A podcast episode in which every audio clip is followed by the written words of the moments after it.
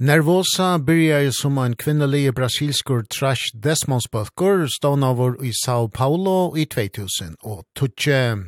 Nekvar utskiftingar er ferna fram i Nervosa og jøk narne og av opprona manningene er nu bært prika Amaral etter.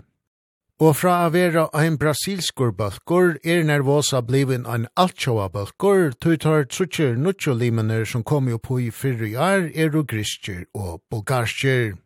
Gitarleikaren Helena Kotina og bassleikaren Hel Pyre koma ur Grikalande, og trommoslovaren Mikala Nitinova ur Bulgaria.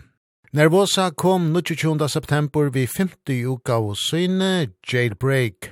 Og i hessens sambandi hau vi finnes jo året av en av nutjelimenon, gitarløykaren Helena Kotina.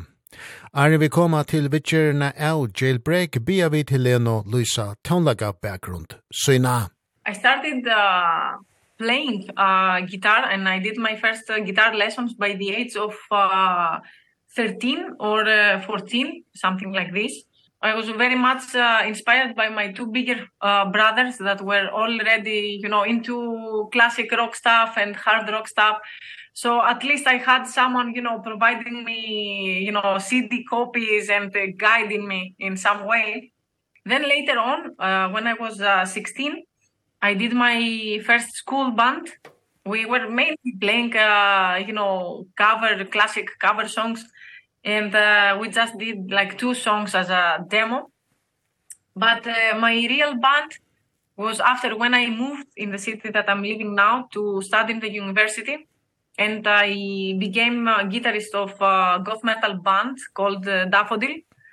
So that was my first real experience, you know, as a guitarist and as a musician. It was my first time getting in a real studio, recording everything in a proper way, releasing an EP, composing uh, you know a full length album and um, also after this uh, I had uh, one uh, personal project which is more like a studio project I released one EP on my own in the in the last summer And then after this we have uh, Nervosa. You are new in the band. How how was it to join the band? A great opportunity and a great experience for me.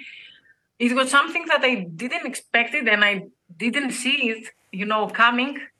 Uh like in 2021 uh when everything began I saw that Prika was following me, did some likes and some posts and stuff but I really didn't expect this to happen. So yeah, it was a huge surprise and uh, I'm very, you know, grateful for it. And how, how did you get in contact with each other? Ah, uh, with each other, uh, thank God we have internet. yeah, that is the, the good part of internet and social media. And uh, we found each other uh, literally through Instagram. At the core, desire. And I'm spent, and lies into facts. Driven by.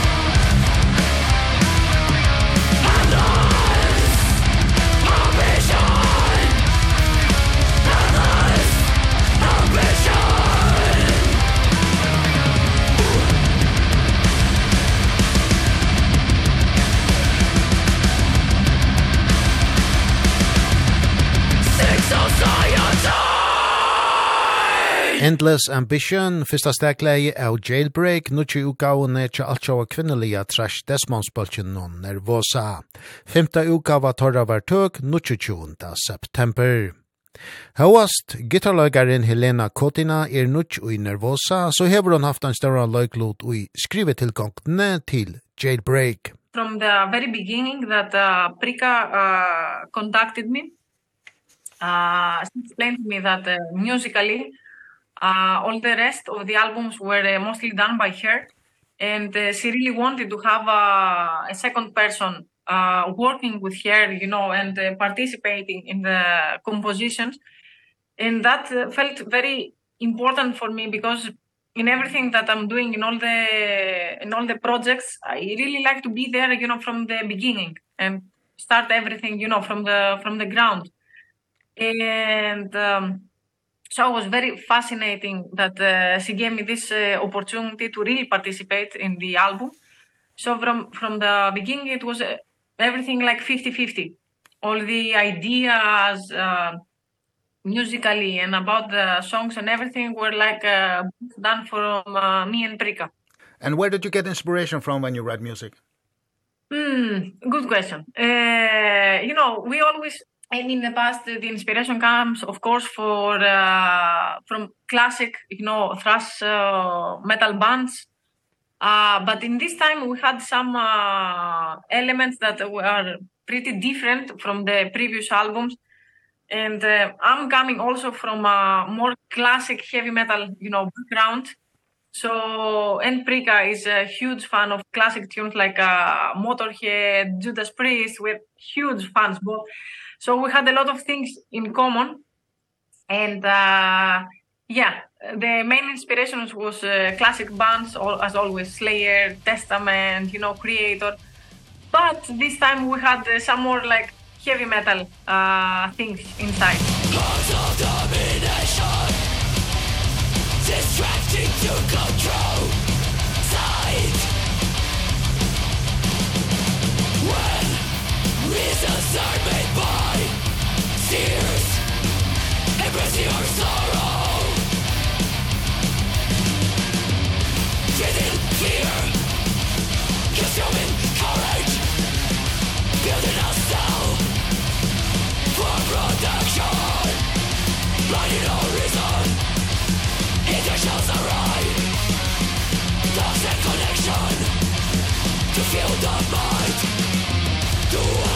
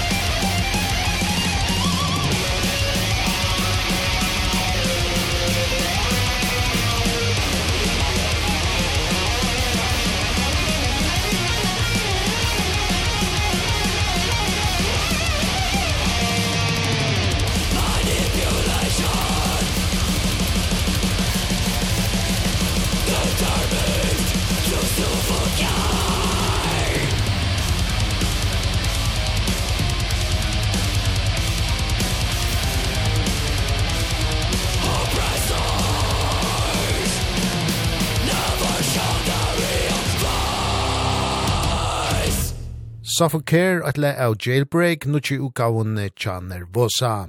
Femta utgava torra var utgiven nutje 20. september. Jailbreak er fyrsta utgavan her stonaren og gitarløygaren Prika Amaral røyne seg som sankara. Hon hever tidja løygloten av seg etter at diva Satanica før borserur og i fjør. Og Helena Kottina heldur at Prika Amaral kjemme vel fra nutja løyglote søgnon you know, uh, from the very beginning, when uh, Diva announced that uh, she wants to leave uh, from the band, uh, Prika told me that I don't want to, you know, change uh, the, the voice and the singer once again. So um, she said, okay, she took the decision that uh, she said, I'm going to do this, I'm going to take on the main vocals. And uh, she, it was something that... Uh, she was familiar with because uh, almost in all the albums she's doing the backing vocals. But of course being a ma the main vocalist is different, but um she took on a lot of uh, vocal lessons, a lot of uh, practice and uh she she was able to deliver the job exactly uh how we wanted. I remember when she when we were in the studio and uh, she recorded the whole first song you know, the, the result was amazing and we, we were totally 100% that we got it. It's what we want. I got to the world.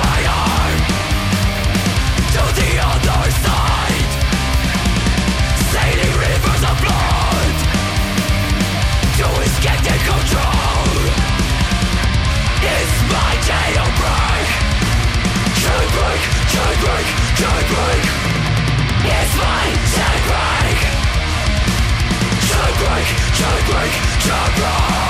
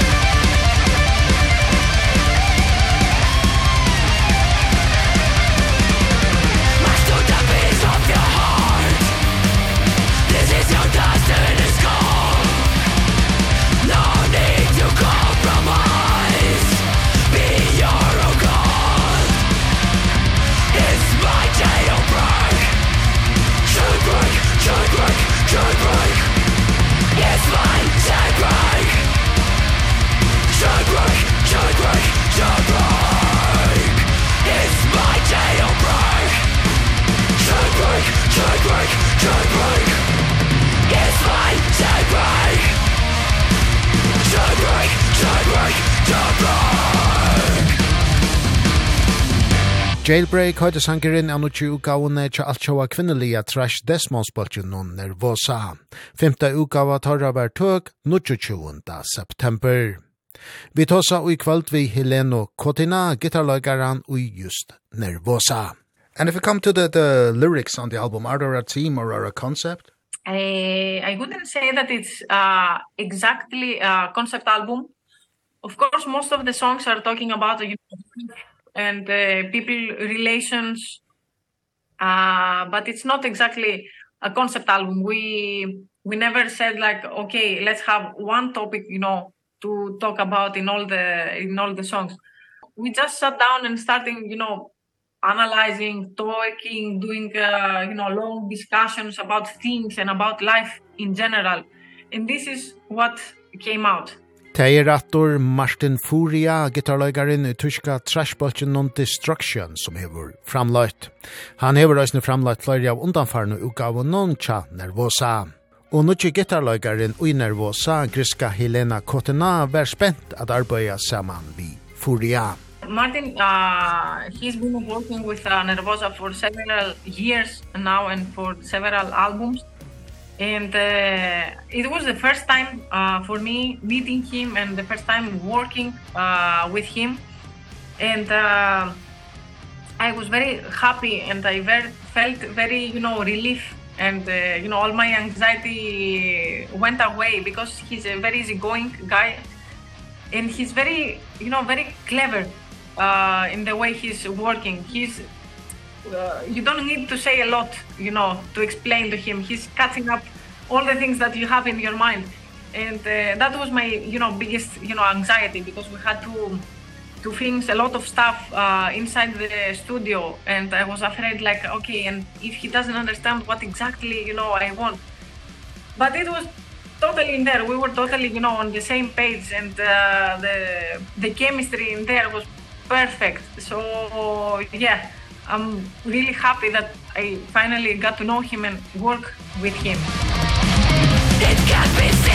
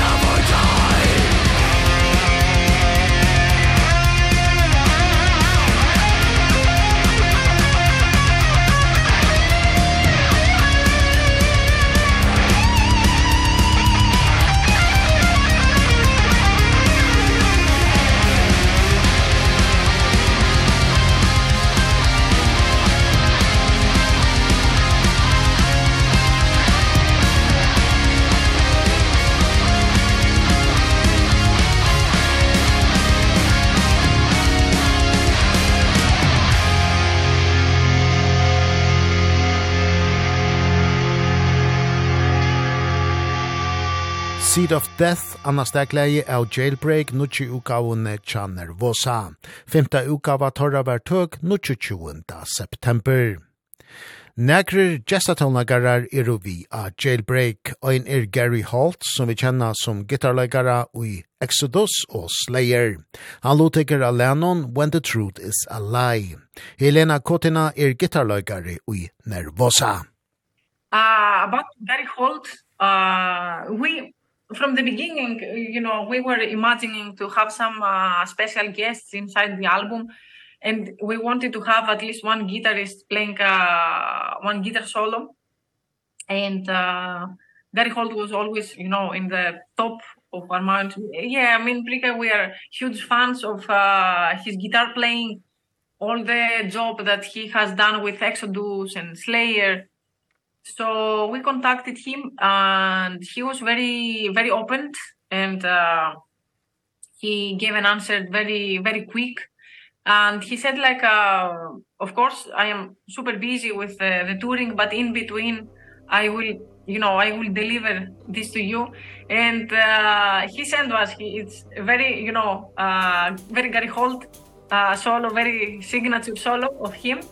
And uh yeah it was you know, like one dream coming true, one of our idols, you know, having the chance to have him inside the record was huge for us.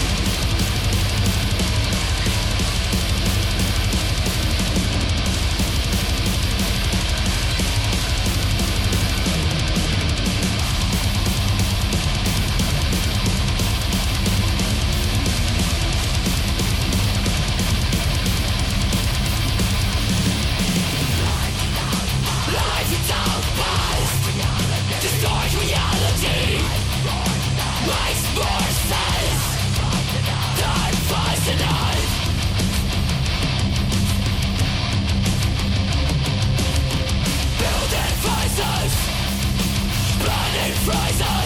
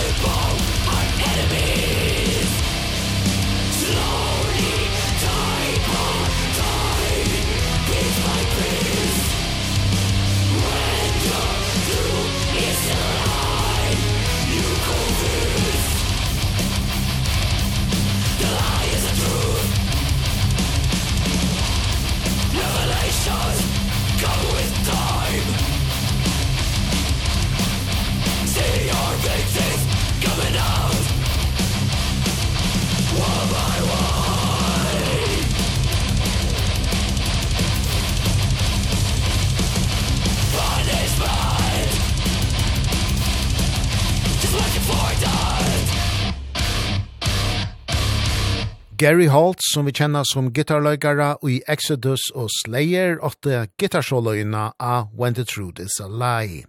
Lei er vi av Jailbreak, nutsi utgavene tja alt sjåa bølgen noen nervosa. Ein annar gestatonleikare er òsne vi av S50 utgavene tja nervosa. Meldoviska Lena Susserhands, som daglig er sjankare i bølgen Infected Rain og Death Dealer Union, lovteker av Lennon Superstition, Failed. And about Lena, we wanted to have a second female uh, vocalist inside together with uh, Prika's vocals. Uh, we know her and we are my admire all the jobs she's doing with uh, Infected Rain. And uh, we were pretty sure that the style of her uh, vocals and the technique that she's using that it's pretty different from uh, Prika's uh, technique, but uh, we were pretty sure that everything will match together well.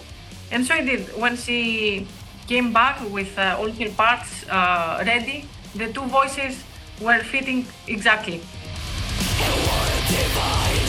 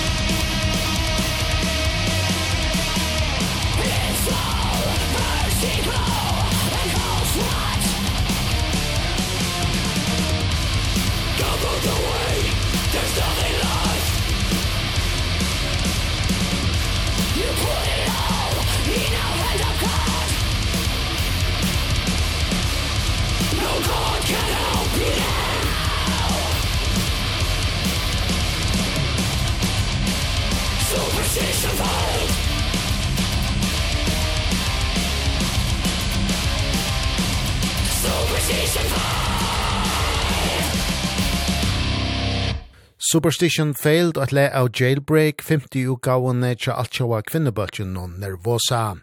Vi tar då eisne moldovisko Leno Scissorhands, som daglig er sjankari i bøkken Infected Rain og Death Dealer Union, som var gesta sjankari av Superstition Failed. Største moneren av Jailbreak og Tamu fyra undanfarne utgaven om Chanervosa er at tvær gitarløkere er vi hesefer. Helena Kotina er nøkker gitarløkere i Nervosa. Musically, of course, uh, the biggest difference is that uh, now we have two guitars in sound. So this makes everything a little bit more uh, flexible because now we can do things that one with one guitar it wasn't uh, able to be done So we have more melodies in there uh, according to, you know, Perpetual Chaos. We have more guitar solos or uh, two guitars playing, uh, you know, the same melodies like twin guitar solos. We have details, you know, uh, here and there. So yeah, I think that's the the main uh, difference. Also, we have uh, some acoustic guitars, you know, as in uh, Seed of Death we have some arrangement arrangements that are a little bit different than uh, perpetual care. And now the album will be released, uh, and as I also understand you are going on a tour in, in Mexico in a short time. Uh, how, how does the future look for you in the nearest future? Uh, yeah, the, al the album is getting released on the 29th of uh, September. And uh, as you said already, the tour in Mexico is uh, confirmed. And on basically I'm very happy, you know, getting back in Mexico because uh, we've been there last year with me as a as a bassist. So getting back in there is like uh, feels very very familiar to me and I really don't see the time to play again for all these people. And um for sure then we have uh, one more festival the Metal Hammer Paradise in Germany. Uh, we have uh, 70,000 tons of metal, the cruise, in uh, end of January, beginning of February. Uh, once more show in uh, Puerto Rico.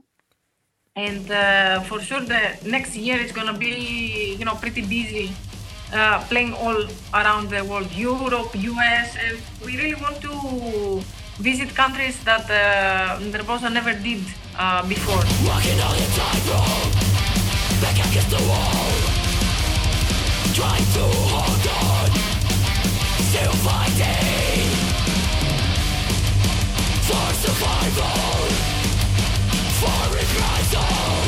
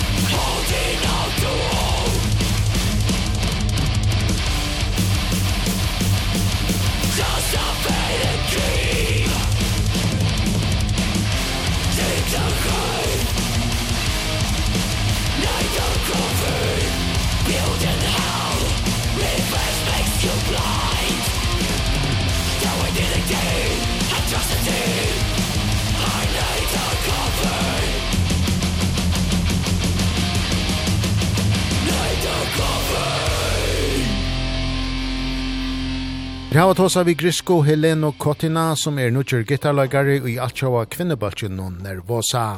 Vi prata vi om nutjer uka av torra Jailbreak, som var utgiven nutjer 20. september. Vi spalte oisne flore lø av isse 50 uka av nervosa, og nutil søgnast hårdu vid Nail the Coffin.